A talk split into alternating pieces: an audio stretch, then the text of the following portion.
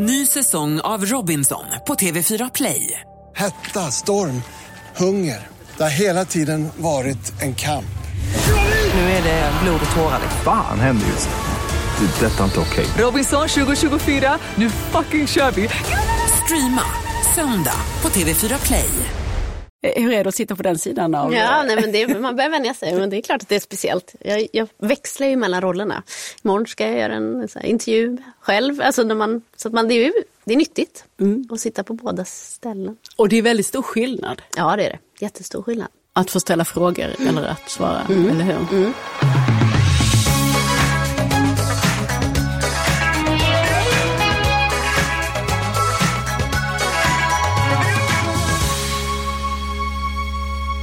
Ja, det är inte helt uppenbart att dagens gäst, den tidigare Aftonbladet-journalisten Kikki Selstedt, faktiskt har gått över till fiktion. För vi är inte många steg från verkligheten i den nya romanen Bara ett offer. Här anklagas en känd toppjurist för sexuella övergrepp och kollegorna rusar till hans undsättning. Samtidigt tar det stopp för den grävande reportern Aida redan hos chefredaktören för han tycker att det här med metoo gått alldeles överstyr. Det här ska vi prata om idag och på det blir det ytterligare två boktips. Olof Lunds inifrån skildring av bevakningen av fotbollslandslaget och så norska Trude Teiges roman Mormor dansade i regnet. Det här är Pocketpodden avsnitt 96. Jag heter Lisa Tallroth. Varmt välkommen till Pocketpodden Kikki Selstedt. Tack så mycket. Tre böcker är det som ligger framför mig nu. Två, två första i den här pro bono-serien har precis kommit i pocket. Det är ettan, Sweet Lolita och tvåan, Oskuld. Och så är det den tredje som kommer direkt från tryckeriet nu. Bara ett offer heter den. Och man måste ju betona titeln rätt här för det är verkligen inte bara ett offer i det den här är romanen. inte. Nej, precis. Jag har faktiskt tänkt på det. Jag har fler offer än jag haft tidigare i mina böcker. I den här. Mm. Och fler förövare också kan man säga. Och det är inte alltid uppenbart vem som är vad heller. Det är det en del av spänningen ligger i. Och den här serien, Pro Bono-serien, den kretsar ju kring huvudpersonerna Aida som är grävande journalist, rätt hetsigt humör, kanske bär vissa likheter med författaren själv, är det så? Ja, men hon är nog inspirerad både av mig och kvinnliga kollegor inom journalistbranschen tror jag. Framförallt med att jag kände att kvinnliga journalister ofta porträtterades som ganska kalla människor. Och jag tycker att det finns otroligt många kvinnor som jobbar som journalister som brinner för att skildra världen, att visa på missförhållanden och, och verkligen brinner för sitt arbete. Så därav kom Aida ur. Och hennes hetsiga humör, ja, det, jag vet inte. Jag skulle nog inte säga att jag är li riktigt lika hetsig som hon. Och det är hon då som jobbar på den här tidningen som heter just Pro Bono. Men sen har det, finns det en huvudperson till och det är kriminologiprofessorn Kajan. Och det är en, en kvinna som hörs och syns och det med, med glädje. Hon är en, en sån här person som både polis och media och vänder sig till för att få hjälp. Men sen då det gemensamma intresset för, för Kajan, för Aida och även för dig Kiki, det är ju att uppmärksamma och skildra utsatta kvinnor. Så det är den röda tråden i serien. Och nu här i Bara ett offer så befinner vi oss i början av 2018. Det är alltså när metoo-upproret pågår som mest här i Sverige. Och varför ville du förlägga handlingen till den här tiden? Ja, men jag tyckte att det var en otroligt spännande tid. Det hände väldigt mycket. Man satte fokus på sexuella trakasserier och sexuella övergrepp på ett sätt som man aldrig har gjort tidigare. Det var som ett fönster som öppnades när vi pratade om de här frågorna. Eh, det var ganska kort för det kändes som att det, det stängdes igen snabbt. Och jag tyckte att det fanns något spännande med att lägga en kriminalroman mitt i det här och utnyttja den eh, dramaturgin som faktiskt fanns med att eh, människor anklagades för sexuella övergrepp. Och eh, nu har, har, vi inte heller riktigt hunnit till all den här efterdebatt som har präglat liksom, de senaste åren. Utan nu befinner vi, får man påminna sig om då liksom, att man fortfarande befinner sig mitt i någonting som man inte riktigt vet var det ska, ska landa. Var det, hur var det för dig att liksom backa bandet? Nej, men jag tyckte att det var en ögonöppnare för jag hade verkligen, man har nästan glömt bort hur det var där. Om man går tillbaka och läser tidningarna och tittar på nyheterna som var så, så pratades det nästan bara om de här frågorna. Och också till en början väldigt mycket om de mer strukturella frågorna i och med att de här olika branschuppropen kom. I december 2017 så kom det ju ett i stort sett varje dag. Det, det var ju skådespelerskorna som började med sitt upprop och sen följde juristerna och sen så, så var det nästan he, alltså kvinnor över hela Sverige som, som ville lyfta den här frågan och prata om det. Så det var ju en extremt stor mediebevakning och sen blev det ju också en stor bevakning på just de här kända fallen med kända kvinnor och framförallt kända män. Mm. Och det här plockar du ju upp i Bara ett offer. Men jag tänkte bara, för du har ju en lång karriär som journalist själv och Aftonbladet nämnde jag, där var du i många år. Men, men var var du den här tiden, 2017-18? Då var du inte där på den tidningen? Nej, jag var eh, producent för Brottscentralen precis där och eh, hade inte så mycket med metoo-bevakning att göra. Men vi sände den på Expressen TV då.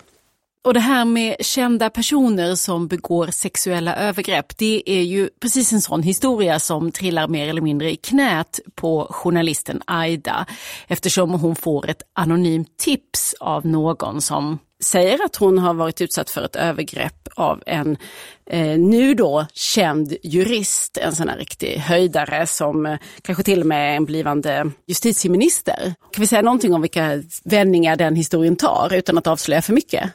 Nej, men det kan man väl säga. Aida börjar ju och kommer ju på spåren vem den här mannen är, för det sägs inte rakt ut från början.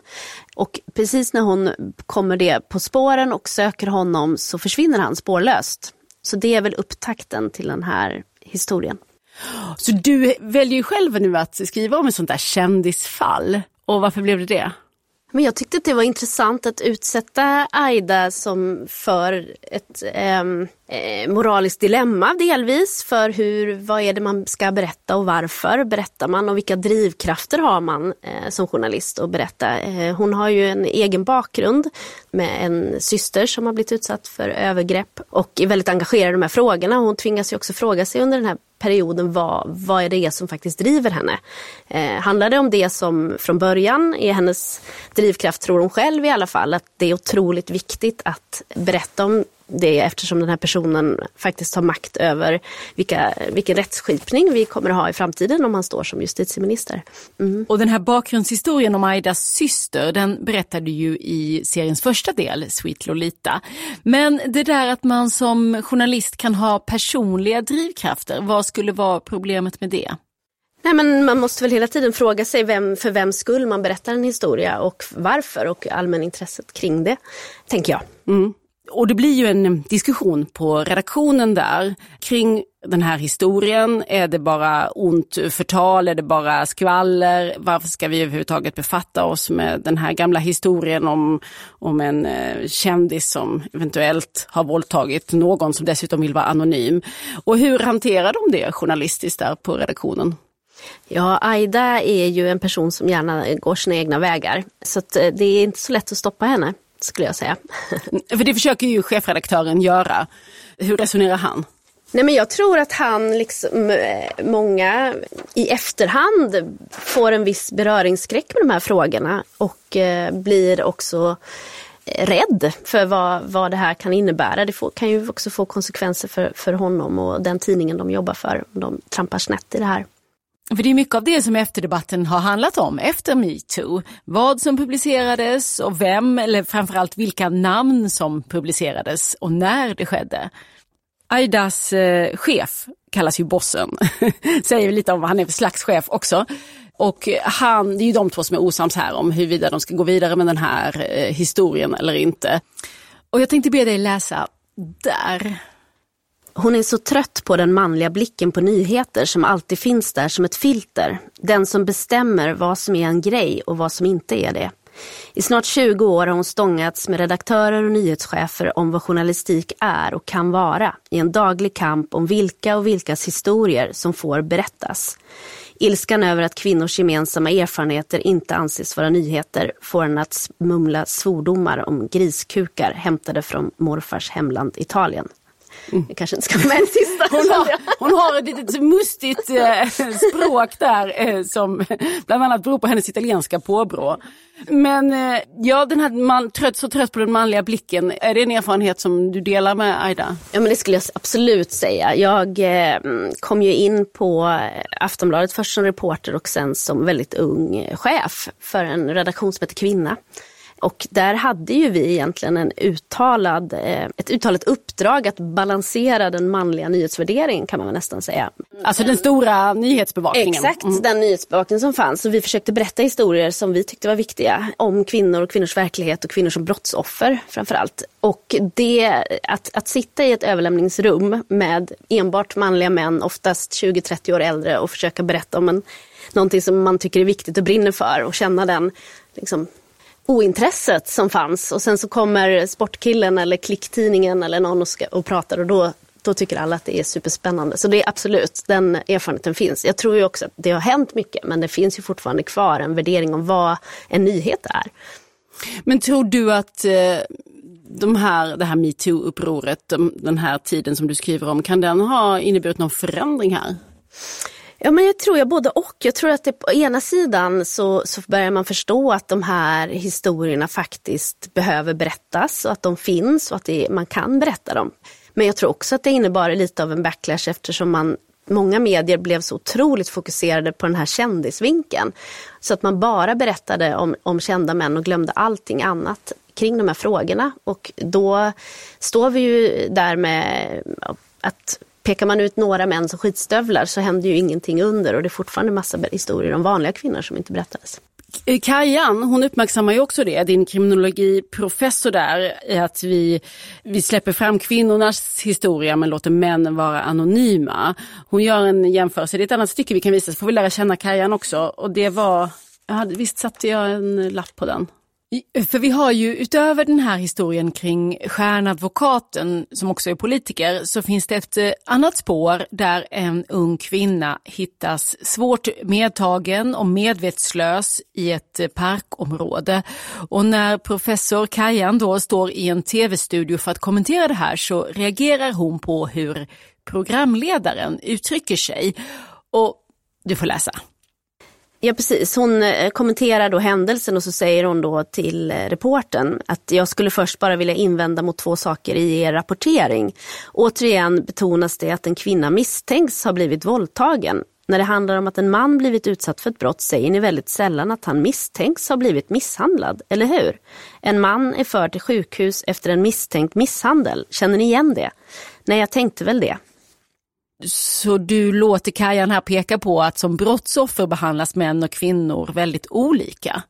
Ja men så är det ju verkligen. I, I berättelsen om eh, övergrepp mot kvinnor så ligger det väldigt ofta en, en, eh, nästan ett ifrågasättande från första stund om det här verkligen har hänt. Även om all forskning visar att det är otroligt få fall som någon ljuger om ett övergrepp eller väljer att gå till, till polis eller domstol med att driva en fråga kring det. Så finns det ändå den här uppfattningen om att det här på något sätt kan eh, vara påhittat, även om en kvinna ligger utan byxor och med uppenbarligen blivit överfallen och eh, våldtagen. Mm. Det var en annan sak som jag tänkte på när det gällde eh, Aida, hur du skildrar Aida här, journalisten i boken. Hon gör ju inte som chefen säger. Och det finns ju ganska gott om journalister som obstruerar mot sina chefer. Det är en återkommande figur i fiktionen. Alltså regelbrytare är ju överhuvudtaget en, en ganska tacksam person att skriva om. För det skapar såklart spänning och dramatik. Men jag funderar på om det också kanske speglar något av verkligheten. Om det är utanför ramarna som, som de bästa jobben görs helt enkelt. Vad tror du? Finns det en feghet hos eh, redaktionerna? Ja, men jag tror att det är både och. Jag tror att det, det finns ju ett system i Sverige med ansvarig utgivare och då gör, är det ju faktiskt så att det är ju en enda person som sitter överst och eh, potentiellt kan hamna i fängelse om man begår ett brott. Och det är ju inte den som utför det då som, som journalist. Så det, det, därav blir ju en försiktighet såklart hos ansvarig utgivare. Eh, och jag tror generellt inom journalistkåren att man har lite svårt för hierarkier. Det finns nog få arbetsplatser där man kanske pratar så illa som om chefen eller i alla fall antingen högsta ledningen eller mellan cheferna. Det är, man tycker ju gärna själv att det jobbet man själv gör är det som är det viktiga. Den som är ute på fältet har ju ganska hög status, mm. tänker jag. Nu är det ett tag sedan du var på Aftonbladet men eh, du pratade de ju om på Pro också, klickjournalistiken. Hur stort intresse finns det för de här historierna? Alltså de helt vanliga brotten, mäns våld mot kvinnor, berättade i journalistiska artiklar och reportage.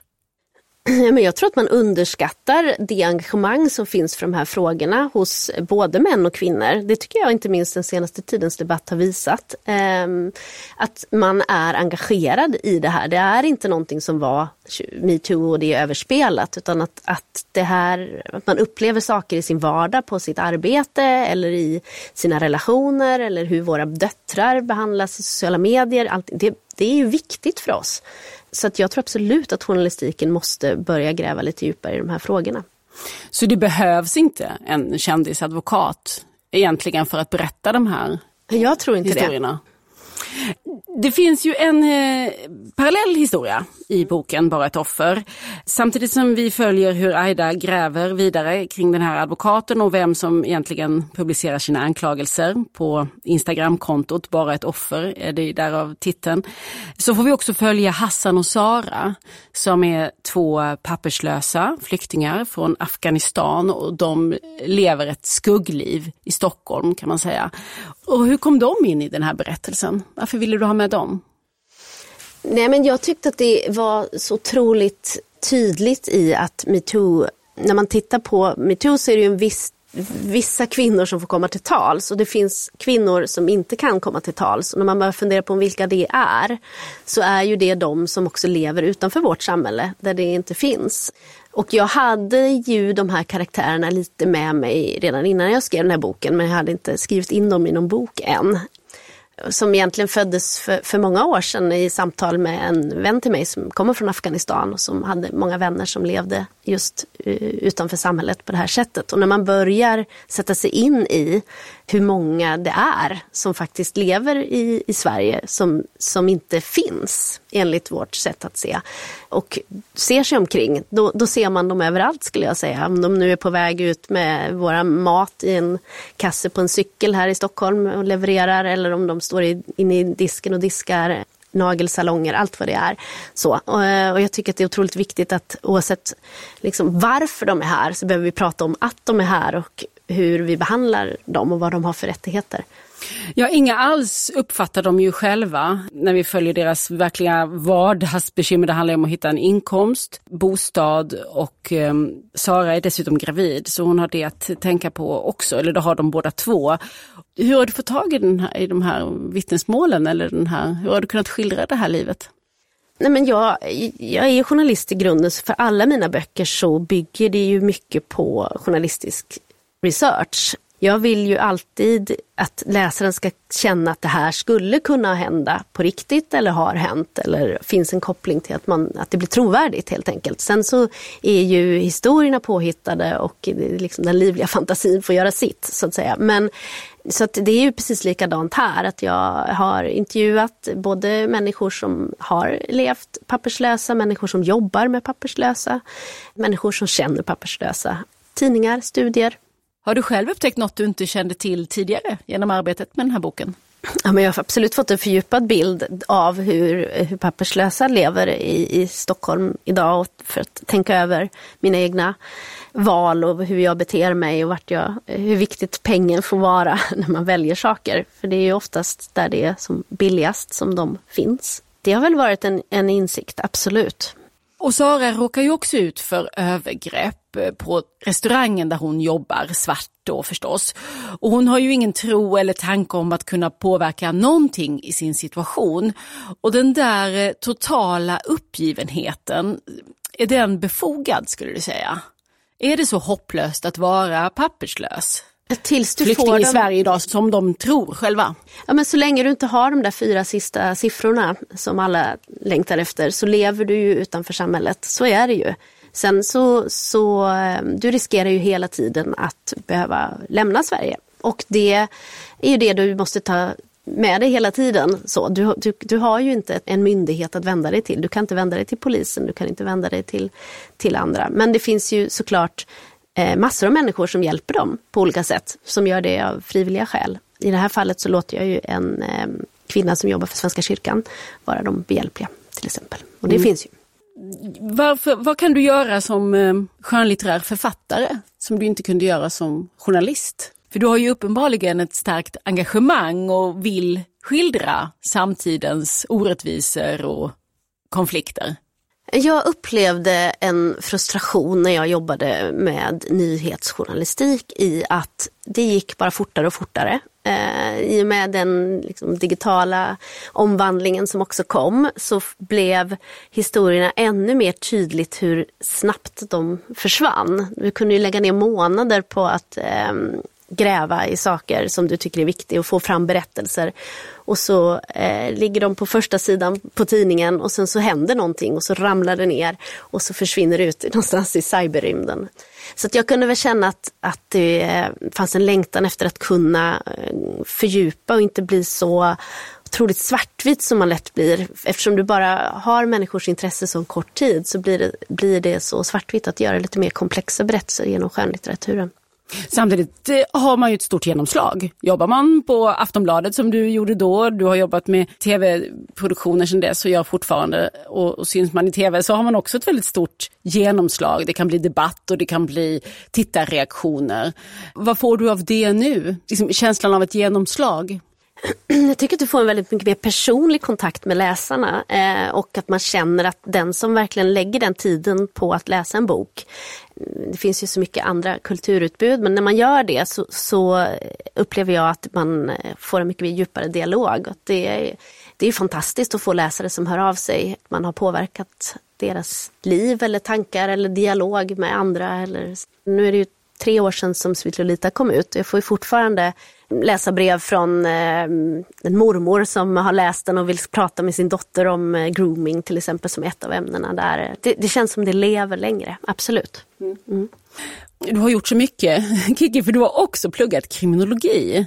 Du har du jobbat länge som eh, journalist med eh, fokus på brott och krimrapportering. Och så fördjupar du det med att plugga kriminologi. Vad gav det dig tycker du? Förutom Kajan då, som ju lite kommer ur den världen. Har hon en förebild? Nej, jag skulle säga att en av idéerna varför hon dök upp eh, i mitt huvud var nog att flera av mina kvinnliga kollegor när jag läste kriminologi oberoende av varandra sa till mig att kan inte du bli den nya kvinnliga GV? Och det eh, kände jag inte riktigt att de skorna kunde jag fylla men däremot så tyckte jag att det var intressant vad det är man längtar efter. Och jag tror att man längtar lite efter den här kvinnan som tar plats i offentligheten som hon gör, som, inte, som älskar att synas och som eh, vågar säga och tro på det hon säger själv och vågar säga det, vad hon vill utan att tänka på vad andra tänker. Så. Hon har ett lite större intresse för eh, flärd och snygga kläder och, Det har och så än vad, än vad GW Persson har, Leif GW Persson har. Vad jag vet. Ja, precis. Mm. Nej, men men förutom, förutom inspirationen till henne så tycker jag att kriminologin äh, gav mig, om journalistiken har gett mig mycket mm, möten med människor och käns, liksom en känsla för hur det är att vara till exempel brottsutsatt, eh, så gav ju kriminologin lite kött på benen kring eh, fakta, kring brott och straff. Så det är klart att det har gett mig kunskaper eh, att ha, eh, ha läst kriminologi och jag tror också att det har gett mig hjälp i research så att man vet var man hittar spännande studier och så att läsa om. För jag såg någonstans att, att du uttryckte det som en väldigt så allmän fråga du hade varför män begår brott mot kvinnor och barn. Att det var en, en fråga som hade drivit dig till att läsa kriminologi. Och eh, det är ju också en fråga som genomsyrar den här Pro Bono-serien. Har du blivit klokare på det, skulle du säga? Nej, men jag tänker att det eh, handlar så otroligt mycket om eh, de eh, roller som vi föds in i, vad vi förväntar oss, hur vi förväntas agera som man och kvinna och att det ligger ett, ett machoideal och annat som, som får de här brotten att fortsätta begås. Mm. Ett under och ett överläge som vi inte har kommit fram liksom, och gjort det jämlikt än. I boken här så har ju Kajan ett gäng doktorander och de är liksom ett gäng kriminologer som dyker upp. Och de är ju alla överens med dig om att det, är liksom, att det här är en knut som måste lösas. Och då skulle väldigt mycket av brotten försvinna eller reduceras. Men, men, men är alla kriminologer överens om det? Nej, Eller? det tror jag inte. Nej. Det finns nog eh, många orsaker till, till varför brott begås. Jo, men jag tänker just den här extrema överrepresentationen av manliga brottslingar mm. och kvinnliga offer. Mm. Nej, men jag skulle säga att det finns många olika eh, infallsvinklar på brott och varför de begås och studier som pekar på olika saker. Eh, social bakgrund är ju en viktig infallsvinkel också. Vad har man för eh, möjligheter att, att ta sig fram i samhället och om man inte har det, vad händer då? Alkohol är ju en extremt stor del av eh, mäns våld mot kvinnor faktiskt, som vi inte pratar så mycket om. Men det är väldigt många fall utav eh, både dödligt våld och annan eh, våld i relation där alkohol har en stor roll till mm. exempel.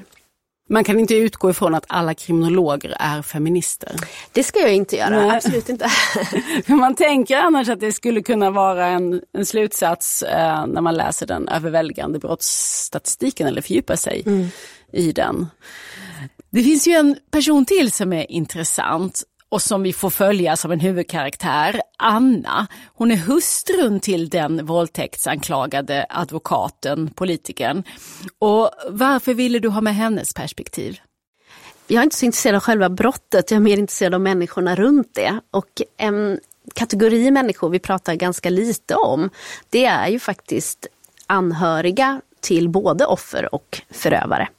Och Anne får ju på sitt sätt båda de rollerna och därför tyckte jag det var intressant att ha med hennes perspektiv. Ja, henne låter du gå igenom en resa som börjar i förnekelse och slutar på ja, en annan plats kan man säga. Ja, men jag tänker att om man sätter sig in i hur det skulle kunna vara att vara partner till någon som, som anklagas för ett brott så kan man själv tänka att det inte är helt eh, lätt att hantera det. Vem, vem är den här personen som jag lever med och har, vad har jag för eventuell skuld? Har jag någon skuld i, i det som den här personen anklagas för? Ja, man måste ju försöka göra världen begriplig för sig. Hur kan, hur kan detta finnas i min, mitt liv? Plötsligt, hur blev det så? Och där är ju just sexualbrott så intressanta tycker jag därför att vi har så svårt att se en förövare som en vanlig man. Utan vi vill gärna se ett monster och då går inte de här bilderna ihop. För han är ju inte bara ett monster. Det där hör man ju ofta, betoningen på att vem som helst kan vara våldtäktsman eller förövare. Och har vi, och har vi fortfarande inte fattat det? Jag tror inte det. Jag tycker att det är ett tydligt eh, exempel med varför det blev sån otrolig uppståndelse kring de här männen som namngavs som var eh, kända tv-personligheter och annat. Att vi, de här bilderna av att någon vi ser på tv som kan leda ett underhållningsprogram kan ju inte göra, ha gjort någonting brottsligt eller klandervärt. Så jag tror att vi har jättesvårt att få ihop de här två bilderna. Och det tror jag står i vägen också. Då kommer vi inte längre för då blir det bara de här enskilda rötäggen och då tror vi att om de hamnar i fängelse någonting så är vi av med problemet. Men det är ju uppenbart så att det är väldigt många kvinnor som vittnar om att de har varit med om sexuella trakasserier och sexuella övergrepp. Men det är väldigt få män som eh, säger att, eller står för att de har begått något. Och den skillnaden är ju där vi måste börja gräva. Mm. Och där tänker jag att du som skönlitterär författare kan komma åt en historia som är väldigt svårt för eh, journalister att fånga just den här eh, hustrun till den utpekade. Hon som står bredvid och får sitt liv förstört. Har du tänkt på det själv, att det är en person som är svår att fånga i, ja, men så är det i ju. verkligheten så att säga? Ja, precis. Och, och, det är ju lite det som är en fördel med att kunna skriva skönlitterärt. Det är att man kan komma åt de berättelserna eh, och göra det på djupet. Varför tror du att du har fastnat för det här eh, temat, att skriva om just kvinnors utsatthet, hat och hot och brott mot kvinnor? Ja men engagemanget kom, även om det fanns tidigare, så väcktes det ju verkligen av att vara eh, reporter som jag var till en början då på den redaktionen, kvinnoredaktionen på Aftonbladet, när jag träffade otroligt många brottsutsatta kvinnor. Och det är någonting speciellt med just kvinnor som utsätts för den här typen av brott, eh, sexualbrott eller brott i relationer. Och det är att det är så mycket skuld och skam förknippat med att vara offer som inte finns i något annat brott. Och det tycker jag är intressant att utforska varför det är så. Så där de historierna tror jag är liksom lagrade inuti mig på något sätt. Så att man känner att man vill berätta dem. Jag tycker ibland när jag läser om brott, övergrepp, kriminalitet, annan jävelskap som det ju rapporteras rätt intensivt om i media inte minst, så kan jag få känslan av att det existerar parallella världar. Det finns den vanliga, där jag är, och sen finns det en mörk som jag mest hör talas om. Har du känslan av att du går in och ut mellan olika världar eller sitter det här ihop för dig? Är det här en och samma verklighet? Förstår du hur jag menar? Mm, jag förstår hur du menar. Nej, men jag skulle nog säga att jag går in och ut, absolut. Och lite grann så är det en av mina drivkrafter att liksom lyfta på locket till de här världarna. För att jag tror att vi måste få ihop dem. Vi måste våga se dem, för att om vi bara ser vår egen lilla bubbla, då har vi svårt att hantera de här otroligt svåra frågorna som, som eh, vi måste hantera. Med det samhället vi har idag, där vi blir så otroligt polariserade kan man väl säga. Så att jag, det är väl lite det som jag vill knacka lite på fönstret in till liksom oss, alla oss som lever i de här vanliga medelklasshemmen och säga att det här pågår faktiskt eh, den, när du fixar dina naglar, vem är det som fixar dem? Har du tänkt på det? Lite så. Och, eh, eller när din dotter sitter på sitt rum med sin dator, vad, vem har hon kontakt med där? Vet du det? Så att vi behöver börja prata om de frågorna och den verklighet som sker. För att även om vi kanske är skyddade så är till exempel kanske inte alltid våra barn det. Nej. Nu har vi pratat mycket om eh, verkligheten bakom de här böckerna som ju är allt annat än rolig. Men jag hoppas och tror att böckerna ändå är eh, spännande och underhållande även om de pratar om viktiga ämnen. Eh, är du orolig för det, att, man, att du tänker att, att boken skulle kännas för allvarlig? Ja, men lite grann. För att jag vet ju att de som läser uppfattar det som spännande och så. Men att man vill inte skrämma bort att man tänker att, att det är för jobbigt. för att ämnena är svåra. Jag tror att man kan faktiskt få både inblick i svåra ämnen och underhållning. Kajan är ju ett sätt att få in eh, humor i böckerna också. Att vända och vrida lite på schabloner av hur kvinnor beter sig och får bete sig i offentliga rum. För eh. samtidigt så sa du ju det där att du tycker dig se att det finns ett intresse för precis de här frågorna och ämnena. Mm. Att man, det finns många som vill få kvinnors utsatthet belyst och diskuterad. Ja men det tror jag, jag tror att det engagerar. Mm jag vill ju att man, medan man läser den här boken så ska man ju vara så engagerad i mina huvudkaraktärer att man bara vill fortsätta att läsa.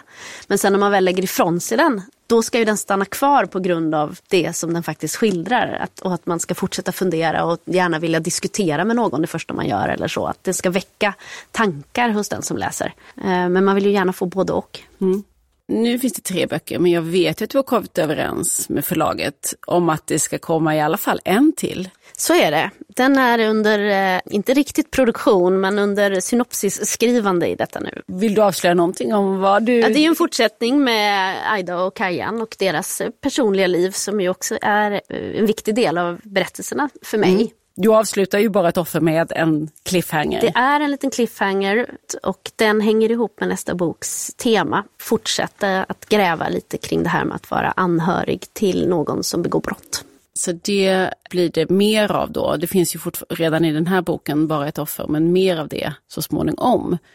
Än så länge har vi de tre första böckerna i serien att läsa. Det är pocketaktuella Sweet Lolita och Oskuld och så är det den helt nya tredje delen, Bara ett offer. Tusen tack Kiki Selstedt för att du kom hit. Tack själv. Jag undrar om vi kan lyckas locka samma personer till bägge dessa böcker. Ja. Om denna bredd som de representerar kan finnas hos en och samma läsare. De finns hos dig, Cecilia Eklund, marknadsansvarig på Bazar förlag.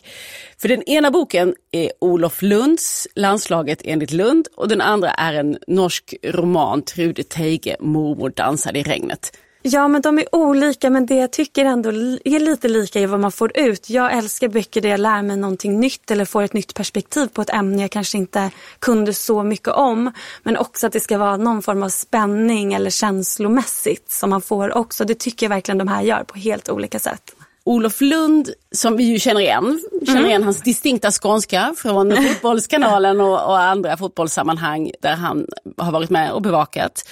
Eh, Och nu har han skrivit om dessa erfarenheter men också gjort ett eh, granskande reportage kan man säga om fotbollsvärlden. Berätta lite grann, vad är det vi får här i landslaget enligt Lund? Olof Lund är ju sportjournalist och det som jag tycker är speciellt med honom är att han just går bakom fotbollen. Han ser ur ett mycket större perspektiv. Han pratar om eh, strukturer och hierarkier i fotbollsvärlden. Han granskar de organisationer som har stora ekonomiska intressen av fotbollsvärlden. Men också den eh, journalistiska utvecklingen som sker. Både inom fotbollsjournalistik men också journalistik i stort. Och I den här boken så får du följa under 19 kapitel olika delar av fotbollsvärlden helt enkelt. För är du fotbollsintresserad skulle du säga? Jag är en klyscha, jag har en väldigt fotbollsintresserad partner där hemma. Så jag brukar säga att jag tittar på fotboll för husefridens skull och visa intresse för hans hobby. Egentligen. Men den här boken är verkligen för alla oss som inte är fotbollsintresserade tycker jag. Och ska man läsa en bok om sport eller fotboll så vill jag säga att det här är den perfekta boken. För du får verkligen mycket mer än just sporten. Utan allt kring sporten. Och eh, nu i den nya pocketutgåvan så är det dessutom eh, upppimpat med ett, så ska jag inte säga. Ja, men lite jag ska så. säga att i den nya pocketutgåvan så är det dessutom ett extra kapitel nyskrivet. Ja men det är så, den här boken kom ju redan 2020 men nu till EM så kommer en stor pocket av den här boken och ett nytt kapitel kommer med också på köpet som handlar om EM. Så det är den perfekta uppladdningen för alla fotbollsintresserade som kanske haft lite torka nu när det varit ett stort uppehåll i med pandemin. Landslaget enligt Lund och det är Olof Lund då, sportjournalistens granskning och skildring av livet som fotbollsjournalist. Och den andra boken som du har med dig, det är någonting helt annat. Det är en roman från norska Trude Teige, första gången hon ges ut på svenska. Mormor dansade i regnet i titeln. Och vad är det här för historia? Den här boken handlar om Juni som är lite på flykt från sitt liv faktiskt, från en aggressiv partner. Och hon nästan rymmer ut i sina morföräldrars hus på en ö utanför Drammen i Norge. Ett hus som hon har ärvt av sin mor som, som gick bort ett halvår tidigare. Och när hon är här i det här huset så börjar hon rota i både gamla saker men också minnen från sin uppväxt som hon tycker har varit kantad av en hel del hemligheter. Och i det här sökandet så hittar hon ett fotografi på sin mormor tillsammans med en tysk soldat. Fotot är daterat till slutet av andra världskriget och det blir början på ett sökande efter då sin mormors förflutna och vad det här, vad det här fotografiet är och eh, vad som har hänt kring det. Och Juni hittar då ännu fler ledtrådar till sin mormors liv där hon har blivit kär i en tysk soldat som var stationerad i Norge. Och det här resulterade i utanförskap i, i sin familj men också i samhället där hon bor. Och till slut så väljer hon att fly eller flytta till Tyskland tillsammans med den här tyska soldaten med sin kärlek. Det är faktiskt en ganska vanligt förekommande under slutet av andra världskriget att norska tjejer som blev kära i en soldat som var stationerad i Norge helt enkelt flyr landet tillsammans med den här kärleken. Och det resulterade faktiskt i att de blev av med sitt medborgarskap och sitt pass. Så de flydde verkligen landet. Blev ansedda vara som fiender. Mormor dansade i regnet heter den romanen. Trude Teige är författaren och det här är en, står första på svenska men hon är en etablerad författare i Norge. Kan du säga någonting om vad hon har skrivit tidigare? Ja, absolut. Hon är både en etablerad journalist och älskad författare, prisbelönt. Hon har skrivit många romaner och fokuserat på deckare och krim tidigare. Så då finns det något för alla här kan man säga. Det tycker jag verkligen. Det är spridda skurar men väldigt lärorika böcker och i alla fall jag som upp, läsare upptäcker eh, nya perspektiv inom fotbollsvärlden och journalistik. Men jag upptäcker också nya perspektiv på ett krig som jag vet var fruktansvärt för alla inblandade. Eh, och får helt enkelt en ny bit av historien av att läsa den här boken, Trude Teiges. Tusen tack Cecilia Eklund. Tack. Dags att avrunda för idag. Pocketpodden är tillbaka om en vecka. Då ska det handla om romanen Mot San Francisco. Det här är Clara Clementin Eliassons debut. En kärleksroman löst baserad på verkliga händelser. En skolskjutning i San Diego 1979. Mer om detta nästa vecka. Tills dess, följ oss gärna i sociala medier. Där heter vi Älska Pocket och jag heter Lisa Tallroth. Hej då! Du har lyssnat på Pocketpodden. En podd från Bonnierförlagen.